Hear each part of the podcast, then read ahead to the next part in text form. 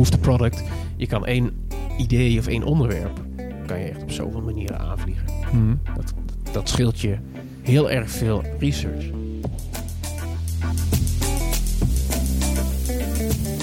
Je luistert naar de Pegel-podcast van Villa Media. We gaan op bezoek bij freelance journalisten met onze mobiele studio. We vragen hoe freelancers ruimte maken voor journalistiek die ze echt belangrijk vinden en hoe ze ondertussen het hoofd boven water houden. Ik ben Erwin. En ik ben Sjoerd. Deze keer spreken we met Nick Kivits. Hij schrijft over ruimtevaart, technologie, media en deelt zijn ondernemerskennis met vakgenoten. Betaald natuurlijk.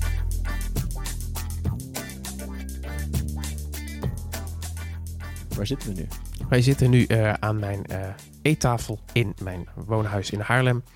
Dat is de plek waar ik in ieder geval het grootste deel van mijn, eh, van mijn werk verricht. Ik heb ook een kantoor op zolder. Dus als er, eh, als er iemand thuis is, mijn vrouw met de kinderen, of als de oppas, opa en oma er zijn, dan zit ik boven. En ik ben natuurlijk ook wel eens op pad. Maar eh, het meeste werk gebeurt op de plek waar jij nu zit, Sjoerd. De mensen die je een beetje volgen, die hebben gezien dat jij een, eh, een groot project online hebt gezet onlangs. Ik vond het wel interessant. Het gaat namelijk over inkoopvoorwaarden van uitgeverijen. Ja. Kun je daar wat over vertellen? Ja, nou ja, uitgeverijen en in principe ook omroepen en zo. Maar die heb ik, daar heb ik nog geen voor. Als ik ze krijg, wel. Iemand heeft me beloofd de voorwaarden van de KRO en CRV te sturen. Maar die moet ik nog even achter zijn vodden aan zitten. Het is natuurlijk eh, eigenlijk iedereen die freelance journalisten inhuurt, heeft inkoopvoorwaarden. En dat is natuurlijk niet om daarheen te komen. eh, de Nee, meeste. Eh, zeker als je een beginner bent. Of als je niet zo goed bent met juridische teksten. En ik heb dankzij mijn werk voor File Media... heb ik daar wel een beetje een, een handigheidje in gekregen...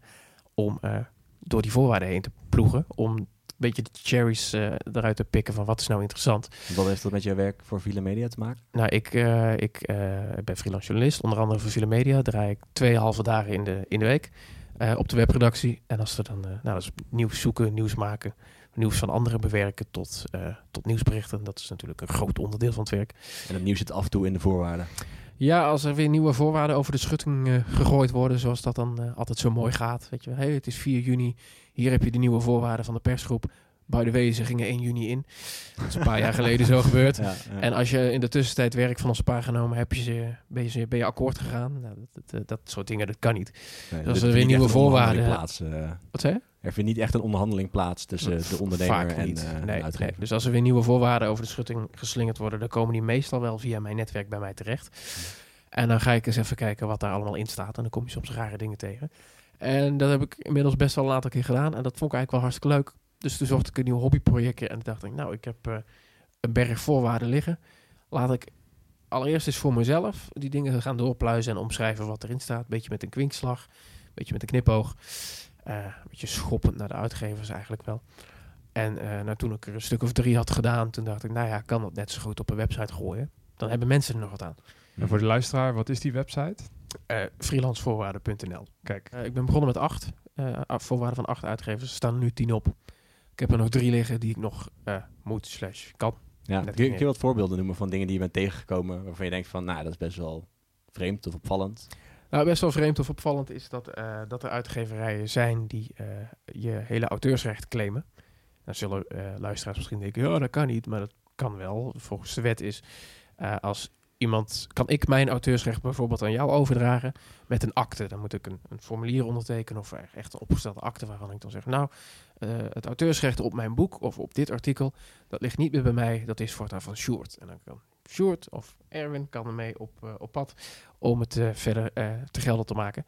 En er zijn uitgeverijen die hebben, het zijn gelukkig niet veel, maar die hebben in hun voorwaarden staan dat, dat ze het auteursrecht claimen en dat, ze, dat, dat, dat de voorwaarden als akte dienen. Ja, ik weet niet of dat juridisch houdbaar is. Maar, het staat, in ieder geval in de voorwaarden. Staat er wel Ja, in. En dat is wat jij gedaan hebt, die voorwaarden een beetje op een begrijpelijke manier Ja. neergezet Ja. en online gezet. En ik heb er ook bij gezet, mocht ik daar v- vergissingen maken of eh, iemand er een aanvulling op hebben, dan hoor ik het graag. Ja. En dat voorbeeld wat ik net noemde, dan kreeg ik eh, een mailtje van, van iemand van de Beeldunie die zei, nou, misschien heb je over dit punt heen gelezen, maar daar staat verkapt in dat. ja, wat ik net uitlegde. Toen Mhm. ging ik het dus nalezen en dacht, ja, het staat er inderdaad in. Ik heb er gewoon overheen gelezen. Kijk, Dus dat heb ik er toegevoegd. ze hebben het ook vrij slim eh, opgeschreven. Zij hebben het eh, heel juridisch opgeschreven. Ik zeg niet dat ze het expres zo, zo, zo hebben gedaan dat iedereen er overheen leest. Eh, maar ik, kon me achteraf nog wel voorstellen dat ik er overheen had gelezen. Ja. Ik, ik moest best wel lachen toen die, die voorwaarden las. Of jouw versie in ieder geval. Er staan dan dingen in als... eh, ehm, als je voor de persgroep schrijft, dan eh, mag de persgroep in principe alles doen met de content wat ze willen. Daar komt het ongeveer op neer. En verkopen aan derden. En verkopen aan derden. En Ja. krijg je daar dan nog wat voor? Haha, nee. Ja, de persgroep was ook de eerste die ik opschreef. En eh, natuurlijk ook een van de grootste eh, spelers. En nou, ik, voordat we aan, aan de podcast begonnen, hadden we net al een praatje. En dan zei ik dat ik ook een, een, een appje kreeg van Bart Verkade van de persgroep. Die zei, ja Nick, maar er zit nog een nuance in. Want we hebben bij het AD en de regiokrant het tarief omhoog gegooid om eh, dat doorplaatsen af te kopen. Dus toen reageerde ik met, ja maar Bart, het staat niet je voorwaarden. En ik beschrijf je voorwaarden. Dus ik heb die nuance uiteindelijk wel toegevoegd. Mhm. Eh, maar wel, ik weet niet of jullie je herinneren hoeveel geld erbij kwam. Maar er het was 24 cent per woord voor de landelijke editie. Ja. Dat was 27,6. Dus dat zit ook niet echt zoden aan de dijk. nee, en, regionaal was het 12 en werd het 13,4 per geplaatst woord. Natuurlijk ook nog. Ja, ja, precies. Dus als er iets geschrapt wordt, dan wordt het ook niet Ik ben wel eens voor het AD op pad geweest eh, toen de eerste Apple-winkel in Nederland werd geopend. Je weet, Apple, Walhalla, dan klappen ze, die mensen die staan klappen je naar binnen, want je bent onze klant en wij houden van je. Hm. En ik ging daar een sfeerverslagje maken voor de krant en ik kreeg 600 woorden en er werden 200 geplaatst. En toen zeiden ze, je krijgt er 200 betaald. Toen zei ik, nou dan ga ik dit soort verhalen nooit meer maken voor jullie. Nee. Plus, jullie betalen die 600. Mhm. Toen zeiden ze, ja dat kunnen we doen, maar dan huren we je niet meer in voor dit soort verha- verhalen. Nou ja, 1 en 1 is 2, weet je. Dan, dan doe je dat toch niet. Ik Nee, wil dit soort prima. verhalen niet meer maken. Ja. Ik ben wel voor ze blijven werken, maar wel voor dingen met echt een vaste lengte. Ja, ja. Mhm. Ik, ik geloof dat je op Twitter zei of ergens anders, dat weet ik niet meer precies. Van, ik heb dit niet gedaan om de uitgevers een hak te zetten of Nee. zo. Maar eh, ik had het idee dat veel mensen het wel zo opvatten. Dat je veel reacties kreeg op Twitter van... Hey, goed dat je dit gedaan hebt. Dit laat zien hoe freelancers worden uitgebuit. Ja, ja Wat- nou, dat laat het ook ergens wel zien. Eh, in ieder geval hoe scheef de machtsverhouding is. Eh, waarom ik zei dat ik de uitgevers geen hak wilde zetten is vooral ook omdat, nou dat wil ik ook echt niet. Maar het is voor die uitgevers ook wel fijn als er ergens begrijp, begrijpelijke voorwaarden liggen. Want hun voorwaarden die zijn logischerwijs juridisch opgesteld. Dat moet ook, want hun, ze hebben een juridische afdeling, dat moet allemaal dichtgetimmerd. Het moet allemaal in dit soort taal eh, worden opgeschreven. Eh, maar dat maakt het niet begrijpelijker. Dus het is eigenlijk, het is vooral een service naar de freelancer toe. Of Nou ja, het is, het is een hobby die uiteindelijk ook een service is naar de freelancer toe. Mhm. En eh, eh, daarnaast denk ik dat uitgevers eh, hier ook wel blij mee kunnen zijn. En nou, bijvoorbeeld, ik zei net dat ik een appje kreeg van Bart Verkade. En hij stuurde mij ook nog complimenten Kijk, voor het Kijk, project. Ja, daar heb ik al een screenshotje van gemaakt voor, eh, voor boven mijn bedje, zeg maar. Wel. ik moet hem nog even uitvergroten. Maar eh, ja. ja, dacht ik wel, ik heb, eh, ja, toch. Je hebt al die eh, eh, arbeidsvoorwaarden eh, heb je doorgelezen. Heb je daar algemeen gevoel bij? Het is, eh, het is, je hebt weinig in de melk te brokkelen, maar wat die voorwaarden ook laten zien, in ieder geval bij bijna alle uitgeverijen, is dat je eh, als freelancer toch nog de mogelijkheid hebt om te onderhandelen. Er staat er vaak letterlijk, ik, letterlijk in eh, eh, dat er ruimte is om te onderhandelen. Nou, hoe je dat voor elkaar krijgt, dat moet je natuurlijk eh, zelf uit zien te vogelen. Je hoeft niet altijd op prijs te onderhandelen. Je kunt ook op deadline onderhandelen of op lengte. Weet je, ik heb wel eens een, een klant gehad die zei: Je krijgt dit lage bedrag voor dit artikeltje over iets met ruimtevaart. Ja. Nou, het was een artikeltje wat ik redelijk makkelijk uit mijn mouw kon schudden, omdat ik er al eerder over had geschreven. En toen zei ik, ja, is goed, maar dan wil ik er wel een pagina bij. Het was een pagina prijs. Het was voor een jeugdblad. Het was een pagina prijs van 60 euro. Mhm. Eh, en ik kreeg drie pagina's. Ik denk, nou ja, doe mij er dan maar gewoon vier. Dan, ik tik het dan net zo snel op, want ik hoef er eigenlijk minder te schrappen. Mhm. En ik hou gewoon, eh, nou ja, dan hou ik er nog net iets meer in over. Dus er valt te onderhandelen. Ook over hergebruik op papier. Het is maar de vraag of het lukt. Ja. Zeg maar hoe eh, groot je bent qua naam. Ja, de indruk die wij hebben eh, met de gesprekken die we tot nu toe hebben gevoerd voor de podcast, maar ook eh, daaromheen voor het boek, is dat er je kan inderdaad onderhandelen, maar je kan geen significante veranderingen verwachten. Dus er kan misschien een paar euro bij het tarief of een pagina kan er misschien bij, maar echt een, een enorme slag is niet realistisch. Nee, en ik denk dat je eh, daar ook niet moet zoeken. Ik denk dat je het met kleine overwinningen moet. eh, en heel veel kleine overwinningen maken natuurlijk samen wel eh, voor je eigen business een grote overwinning. Ja. Want als je overal, ik zeg ook altijd, je moet overal proberen te onderhandelen. Zeker als je ergens binnenkomt. Eh, en nou ja, het is, het is heel veel, zoals ik al zei, heel veel kleine overwinningjes. Dat is gewoon goed voor je business. En ik wil het even over die business hebben nu, Yes. want wij gingen naar, jou, naar jouw website en daar zagen we ongelooflijk veel logo's. Holy shit, wat een logo. Oh, wat een Er logo's. was één logo, daar was ik heel jaloers op. En dat was? De Donald Duck. Ja. Ja. ja, ja, Heb je voor de Duckstad, Duckstad krant geschreven? Nee, dat niet. Nee, ik heb, eh, ik, ik, ik heb eh, nou, voor de Donald Duck moet er wel eens eindredactie gebeuren. Dus ik heb wel eens een paar dagen eindredactie eh, dingen gedaan en eh, tekstjes opgeleukt. Want dan Mhm. komt het binnen met, eh, van een tekenaar. En die heeft er dan teksten bij gezet. En dan moet dat net iets leuker. Moet er net een extra kwinkslagje in. Daar was ik niet super goed in. Daarom bleef het waarschijnlijk ook bij een paar dagen. Eh, maar ja, de Donald Duck moet alles eindigen met een uitroepteken of een vraagteken. En, en zulke dingen. En eh dat Ja. een beetje de puntjes op de i zetten. Ja. En ik deed vooral wat eh, Joe Carioca strips. Niet mijn favoriete stripfiguur. Mhm. Ja. Dat is de, dat is de papegaai die achter de... Die op de Veldersbelt woont. Die, Ja. die in plaats van ik, ik zegt. Ja. Met IEK. ik moest heel veel ikjes in ikjes veranderen en zo. Ja, dat is hartstikke leuk. Want het is een hele leuke, fijne redactie. Ja. En er zitten heel veel andere, veel, veel, de, alle andere Salema Kids bladen zitten daar. Hmm. En zo kwam ik daar ook een beetje binnen. Want ik werkte voor Zo Zit Dat. En, ze er- en ik was daar aan het invallen. En ze zeiden, goh, heb je nog wat tijd over? Wil jij dan voor ons? Ja. Nog even. En ja, nou, dat wil ik wel. Jij dacht, ik hark dat logootje even... Ik hark eh, ook, ja, ik hark alle logootjes. Ja, als- als ik ergens één, kijk, het lijstje is, hier heb ik in gepubliceerd of publiceer ik in.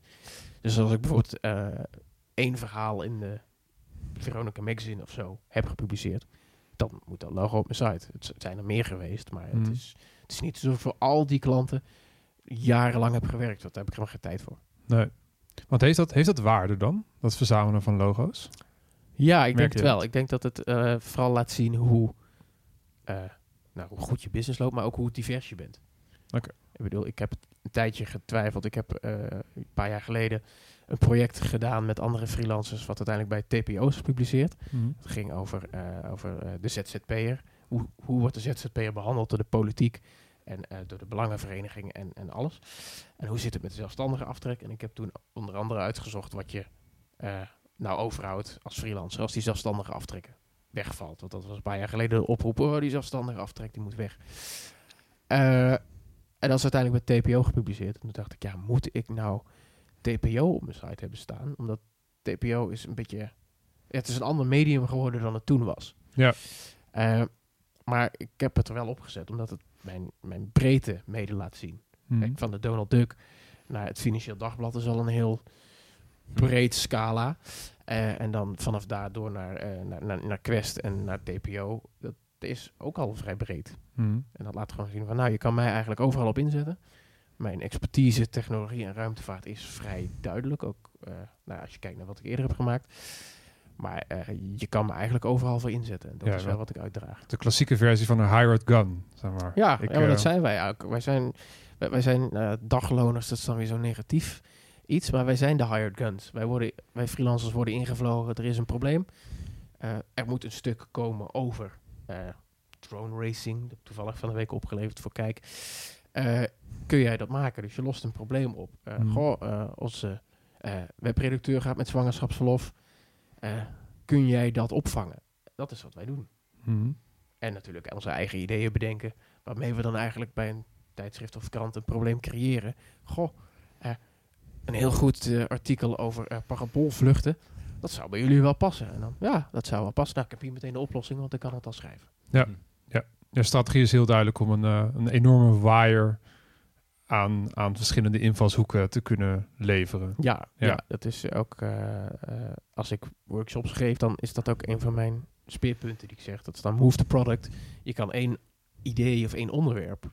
kan je echt op zoveel manieren aanvliegen. Hmm. dat scheelt je heel erg veel research.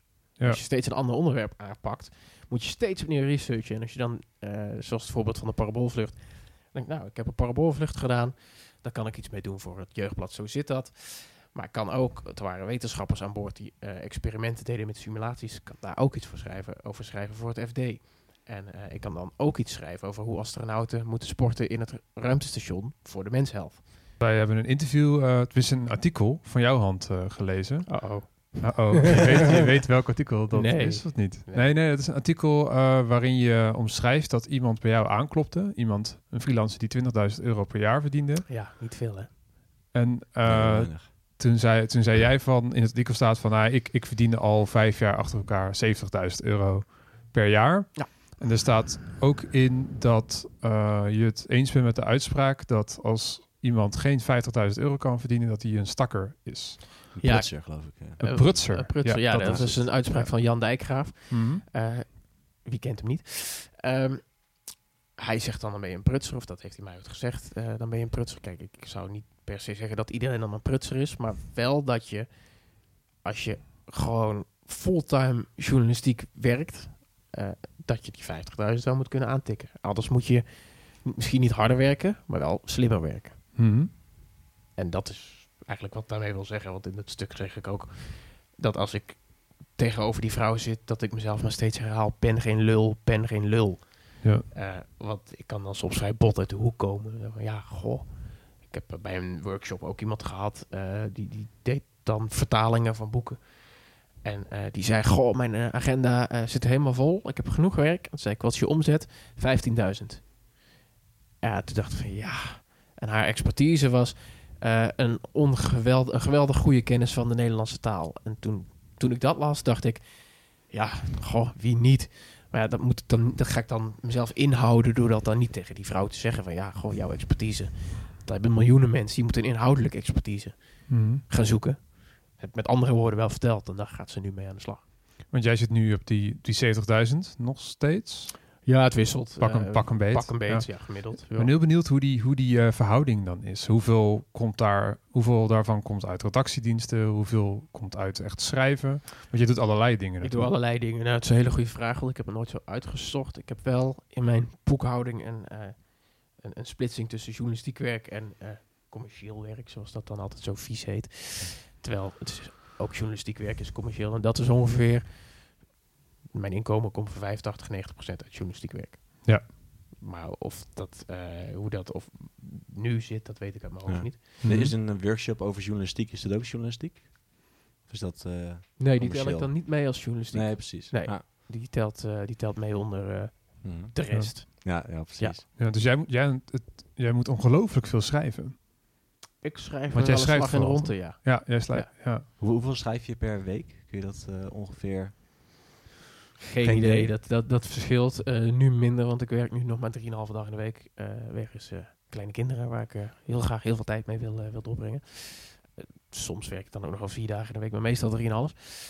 Maar nee, ja, er komt meestal toch wel één groot verhaal van 2.000, 3.000 woorden uit. En ik heb dan twee halve dagen filemedia. Eh en dan komen er nog wat kleinere verhalen uit. Maar het aantal woorden of het aantal verhalen, dat, dat kwantificeer ik eigenlijk niet. Ik heb een, een doel voor mezelf van dit is de omzet die ik per jaar wil halen. En dan teruggerekend heb je ook een week omzet slash een dagprijs. Ja. En dat haal ik eigenlijk altijd wel. Vind je dat leuk, om, om dat zo- zo'n target te hebben? Ja, ik, dat houdt mij wel... eh, dat heb ik nodig eigenlijk. Als ik dat niet zou hebben... Echt een beetje het begin van mijn carrière. Toen dacht ik ik was net afgestudeerd. Ik was wel al freelancer. Toen dacht ik ook van, ja, maar ik kan werken wanneer ik wil. Dus als ik dat tot 11 uur in mijn bed blijf stinken, dan kan dat gewoon prima. Ja. Maar toen zei een goede vriendin van me en oud studiegenoot, zei van, ja, maar jouw ritme is nu heel raar. Want je komt om 10, 11 uur uit je bed. Je gaat een beetje in je kamerjas, bij wijze van een beetje een stukje tikken. En dan ga je voor het Brabants Dagblad op pad, toen nog. Mhm. Eh, en dan doe je nog wat andere dingetjes. En dan ga je om 11 uur ga je nog even eh, een film kijken of gamen. En dan ga je naar bed. Je kan die uren ook gewoon opschuiven en een normaal ritme aanhouden. Toen dacht ik, ja. En toen ik dat ook meer ging doen, dat normale ritme. En een soort target voor mezelf ging stellen. Dat was echt iets om naartoe te werken. Mhm. Maar het target blijft wel redelijk hetzelfde overigens. Het is niet alsof ik dan ieder jaar denk... oh, ik had vorig jaar een omzet van 60, 70.000. Dan moet nu naar 80, 90. Dat- ik Kijk, nu, nu is het gewoon wat hebben we nodig Mhm. voor het huis, eh, de hond, Ja. eh, het gezin en alles. En eh, ja, dan moet ik mijn targets daarvoor halen. En heb je de ruimte om te doen wat je, wat je echt leuk vindt? Waardoor je echt gedreven wordt? Ja, over het algemeen wel. Ik kan mijn agenda redelijk zelf plannen. Soms neem je dan een klus aan die dan heel erg leuk lijkt. En dan achteraf denk je van, oh, nou, als deze voorbij is, dan ben ik blij. Het is toch iets minder op de inhoud die ik zou willen. Eh, en eh, nou ja, klussen duren vaak een paar weken, weet je, misschien een maand of, of net wat. Dus dat is dan ook alweer te overleven. Maar over het algemeen kan ik redelijk schrijven over de dingen die ik wil schrijven. En heb je nog een soort droomproject wat je, wat je wil doen? Waar je, Nee, nu eigenlijk, Ja. ja, ik zou de eerste freelance journalist willen zijn die vanuit het ISS live verslag doet. Maar ja, vanuit Ja, het ruimtestation. Dat is een heel mooi doel, maar of dat ooit gaat lukken, dat, eh, als er iemand luistert, ik ga wel mee. ja, het klinkt, klinkt als een soort, wel een soort spanningsveld tussen eh, er moet brood op de plank komen en er moet zoveel brood op de plank komen. En tegelijkertijd wil ik eh, verhalen maken. Het klinkt alsof, alsof, ehm, alsof je in een soort turbo moet, want je moet die artikelen maken, want anders hou je die omzet niet. Hoe, hoe, hoe vind je daar een, daar een balans in dan? Ja, ik zeg, eh, ook als ik workshops geef, zeg ik vaak, ik, bijna alle verhalen die ik maak, vind ik zelf leuk. Oké. Of interessant. weet je. Mhm. Dat, soms komt er een redactie, eh, net als ik noemde net het voorbeeld al van kijk met de, met de drone racing. Goh, wil jij daar eens induiken? Ja, had ik zelf nooit bedacht. Maar vind ik wel leuk. En dan ga je met zo'n, sta je in Almere op een grasveld. En dan gaat iemand zo'n ding vliegen en die zet je dan zijn brilletje op, waardoor je vanuit de ogen van de drone kijkt. En dan denk je van, oh man, ik hou helemaal niet van de achtbanen. Waarom moet ik dit ding op mijn hoofd? dus ik stond echt bijna boven de bosjes. Maar eh, gewoon om dan te kijken hoe die wereld werkt, vind ik hartstikke tof. En over het algemeen, als ik zelf iets pitch, dan is het eh, een onderwerp waarvan ik denk, goh, hier wil ik induiken en hier wil ik weten hoe dit zit. Het klinkt alsof het heel goed uitkomt dat jij, dat jij eh, in allerlei zaken geïnteresseerd bent. En heel snel dat enthousiasme op kan brengen om dan, om dan daar eventjes in te duiken en dan, en dan er weer uit te stappen. En dat vind ik ook zo leuk aan het vak. Ja. Wij kijken, wij doen een deurtje open en wij kijken ergens binnen. Mhm. En eh, kunnen dan ook wel weer het deurtje dicht doen. Wij hoeven niet per se, kan wel, maar wij hoeven niet per se ergens op eh, een proefschrift op te schrijven. Zeg maar. Mhm. je, je kan eh, een stukje van de ruimtevaart bekijken. En als je dan denkt, nou, een mooi stukje geweest.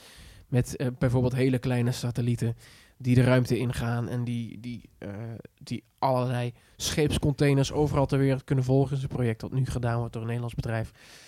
Eh, ja, super tof.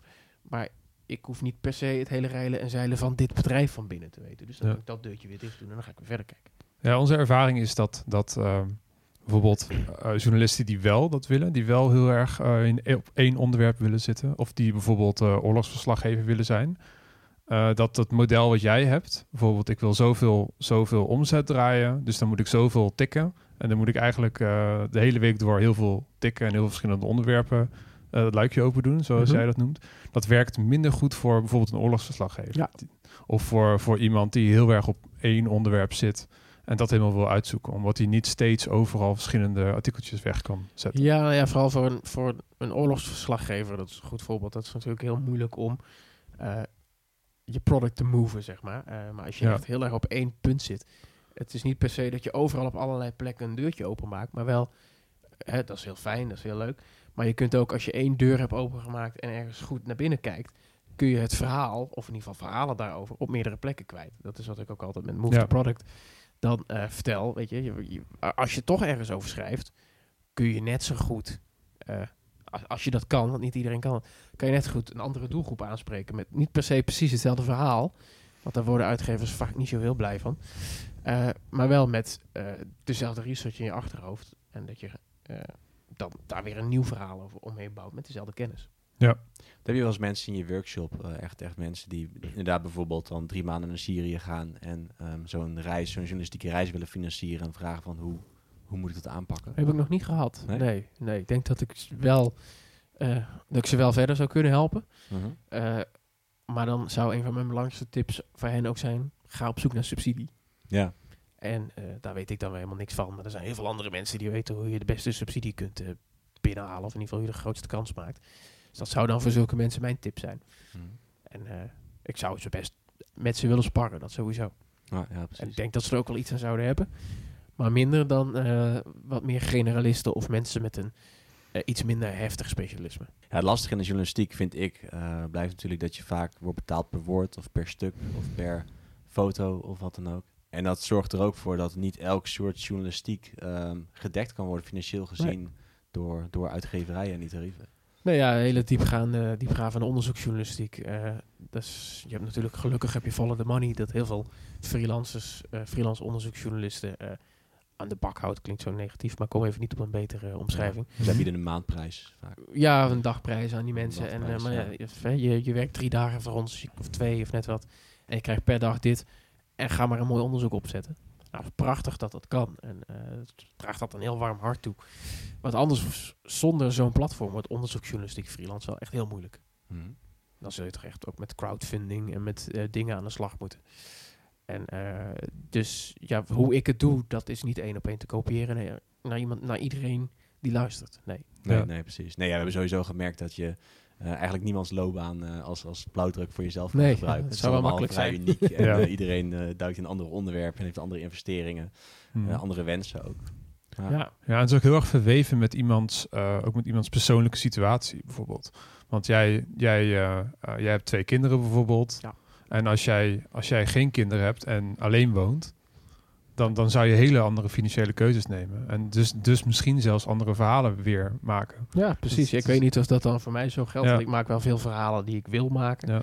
Maar ik kan me voorstellen als je niet, eh, eh, geen hypotheek hebt en eh, kinderen die eh, willen eten en, eh, en, en dingen willen doen, dat je, dan heb je minder druk om geld, geld, geld te verdienen. Ik heb letterlijk eens tegen iemand gezegd, goh, Brabants Dagblad, als ik daar dan op pad ga, dan kreeg ik, moet ik even, even denken, volgens mij kreeg ik dan 60 euro voor een artikeltje. Dat was vergeleken met wat Brabants Dagblad nu met de AD-tarieven betaalt. Met de persgroep was dat best wel veel. En als ik dacht, als ik er dan twee per dag doe, dan, hè, en dan vier, vijf dagen in de week werk, dan heb ik een omzet van X. Ik ben niet goed in hoofdrekenen, maar heb ik een omzet van X. En dan kan ik mijn huur betalen en dan kan ik dit doen. Maar toen was ik nog niet bezig met een ouderdagsvoorziening, eh met een arbeidsongeschiktheidsverzekering. Dus toen ik die dingen erbij ging pakken, dacht ik, Dan wordt het ineens heel duur allemaal. ik moet Ja. toch wel even eh, het dubbele of misschien wel 2,5 keer zoveel hebben. Binnenhalen. Ja, je ziet En, het, dat mensen daar, daar langzaam ingroeien. Hoe ouder je wordt, Ja. hoe meer geld je nodig hebt. En niet, niet omdat, je, omdat je uit gouden kandelaars wil drinken of zo, maar gewoon omdat je een, een, een normale standaard eh, voor jezelf kiest. Ja. En ik las ook laatst een onderzoek. eh, dat was een, eh, een wereldwijde enquête naar de gemiddelde leeftijd van journalisten. En die was 39 op dit moment. En dat is veel, eh, veel minder oud dan, dan andere vakgebieden. Ja, en het was vroeger, eh, hè, was in de journalistiek ook ouder. Mhm. Eh, het is, begint steeds meer een, een young man's en een young woman's game te worden. Door ook die tarieven. Ja. Ja, ja. Want je kan het minder als je nog in een studentenhuis woont, of als je nog studeert, of als je eh, in een sociale huurwoning zit. Dat heb ik ook nog een paar jaar gedaan.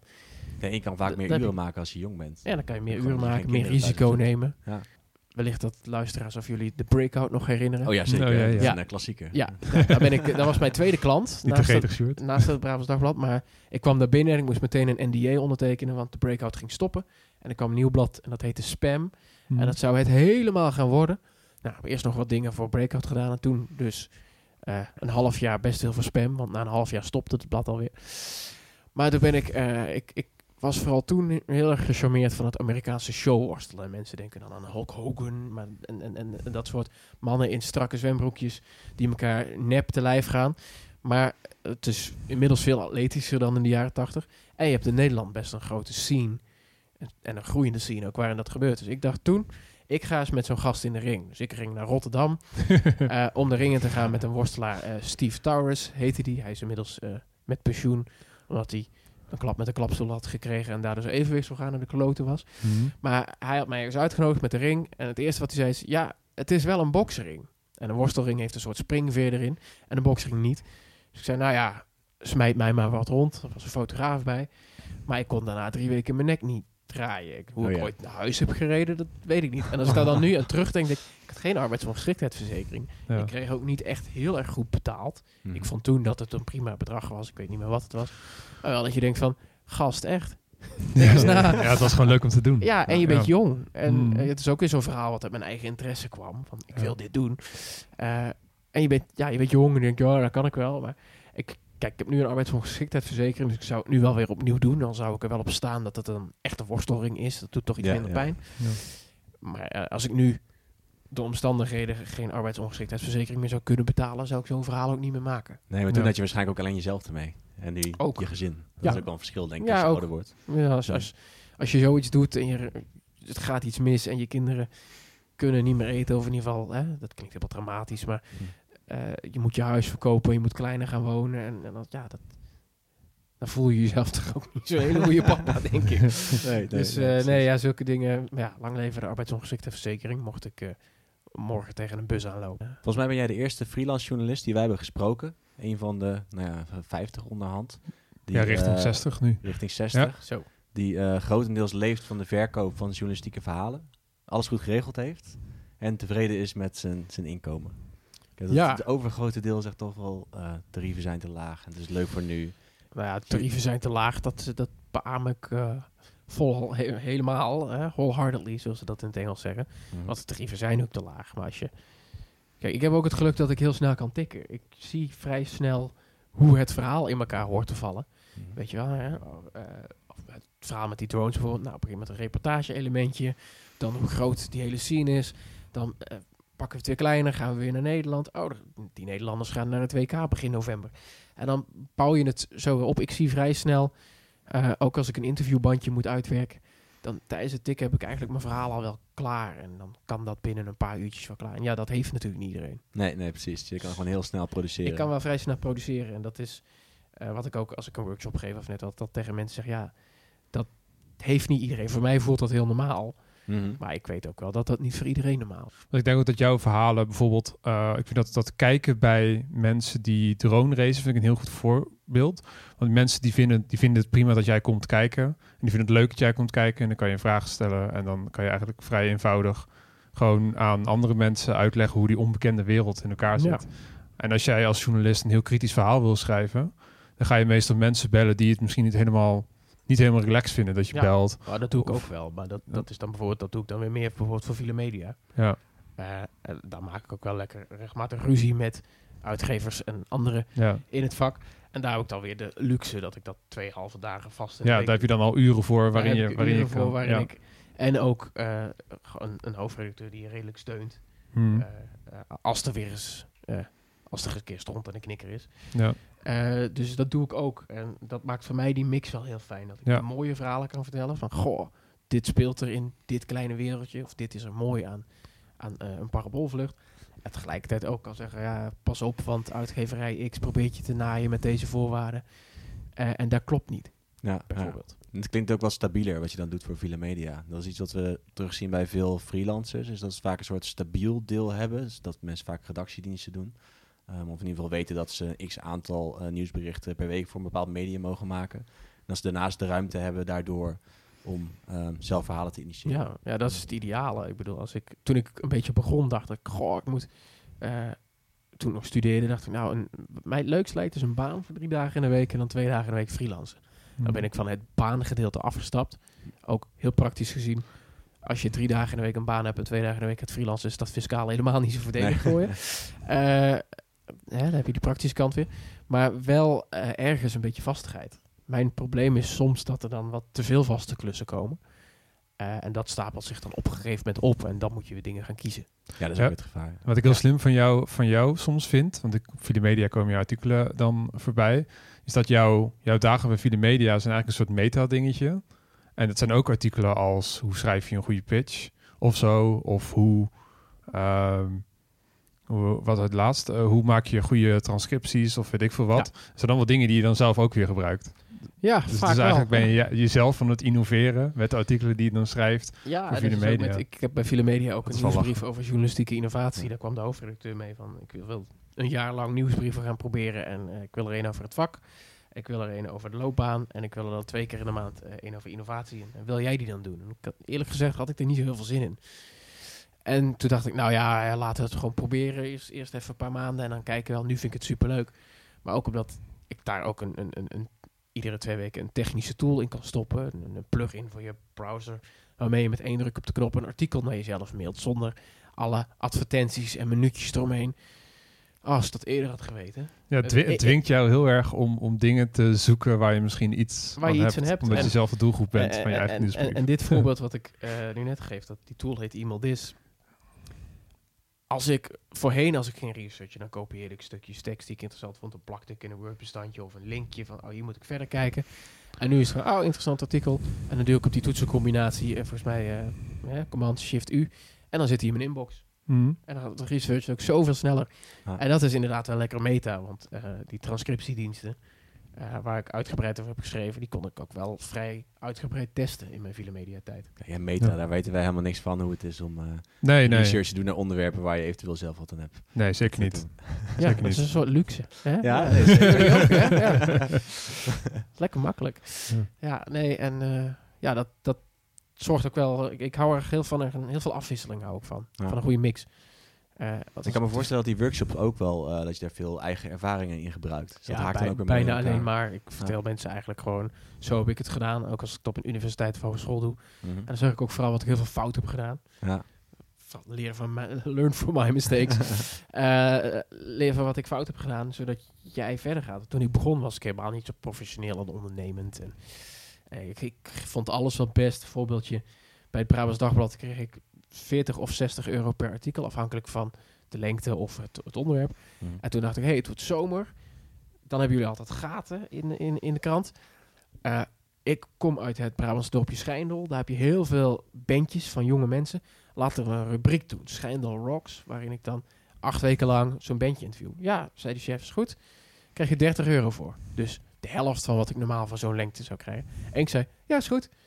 Zou ik nu dus echt niet meer doen. Nee. Nee, Maar dat zijn dus dingen die ik dan ook aan studenten of aan mensen die een workshop volgen vertel. Van ja, Mhm. eh, ga altijd onderhandelen. Want op een gegeven moment zei die chef...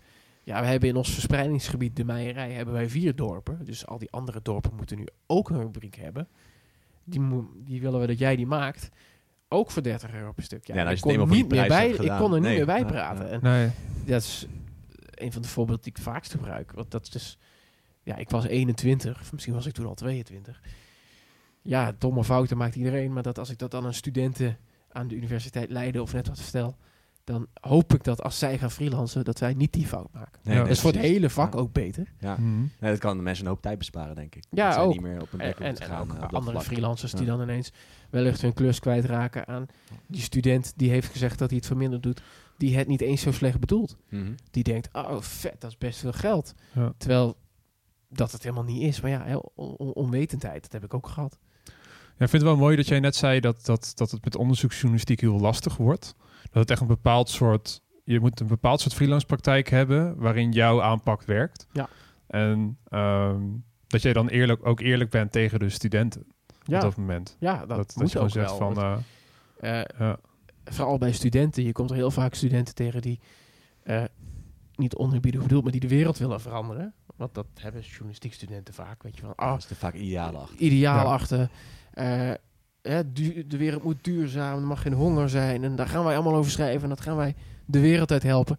Ja, dat is heel mooi, maar in de praktijk is dat heel moeilijk om Dat is daar hele zelf moeilijke journalistiek om Ja. eh, gefinancierd te krijgen. Precies, en dat vertel ik ze dan ook. En het is heel mooi als je dat doet. Als je voor, Mhm. een, voor een follow the money gaat werken. Eh, of voor een, een heel duurzaam medium. Zoals eh, One World bijvoorbeeld. Inmiddels zijn ze daar iets van afgestapt. Maar dat waren ze een tijdje. Die waren heel erg op de duurzaamheid. Dat is heel mooi. Maar zorg dat je daarnaast ook klussen hebt waarmee je je boodschappen binnenhaalt. Ik zeg Mhm. dat ook wel. Ik heb dat dinsdag bij mijn workshop eh, voor de Auteursbond nog gezegd. Zorg dat je makkelijke klussen krijgt. Erbij. Gewoon voor erbij. Dat je één dag, als je nu vijf dagen in de week hele moeilijke, ingewikkelde verhalen maakt, maak daar eens vier van. En ga dan eens één dag in de week proberen om, eh, om een rubriek te vullen in een krant of in een tijdschrift die je redelijk makkelijk kunt Hmm. produceren. Eh, of doe er dan twee op die ene dag of net. een- Zodat je, je je omzet omhoog gaat en dat je nog steeds dat stuk, dat stuk voldoening houdt. Want ja, ik doe ook wel eens commerciële dingen, daar haal ik geen voldoening uit. En dan ben ik heel blij dat het dat dat dan twee hele dagen geweest is en dat ik dan weer verder kan. Ja, Dat ja, dan, eh, hè, dan heb je een interviewtje gedaan, krijg je 750 euro voor, ben je twee dagen mee bezig of anderhalf dag. En dan denk je, nou mooi, kan weer eh, een stuk van die hypotheek kan betalen. Ja, Ja. en, Ja. en nu gaan we weer eens even op iets zitten waar ik zelf gelukkig van word. Ja, precies. Nou, lijkt me een hele mooie tip om deze podcast mee af te sluiten. Nou, mooi. ja heel erg bedankt. Dankjewel dat we Jullie langs mochten komen. Yes. Je luisterde naar de Pegel Podcast. Deze podcast wordt mogelijk gemaakt door het Lira Auteursfonds Reprorecht. Ben of ken jij een freelance journalist met een goed verhaal? Stuur een mailtje naar pegel.vilamedia.nl Bedankt voor het luisteren en tot de volgende aflevering.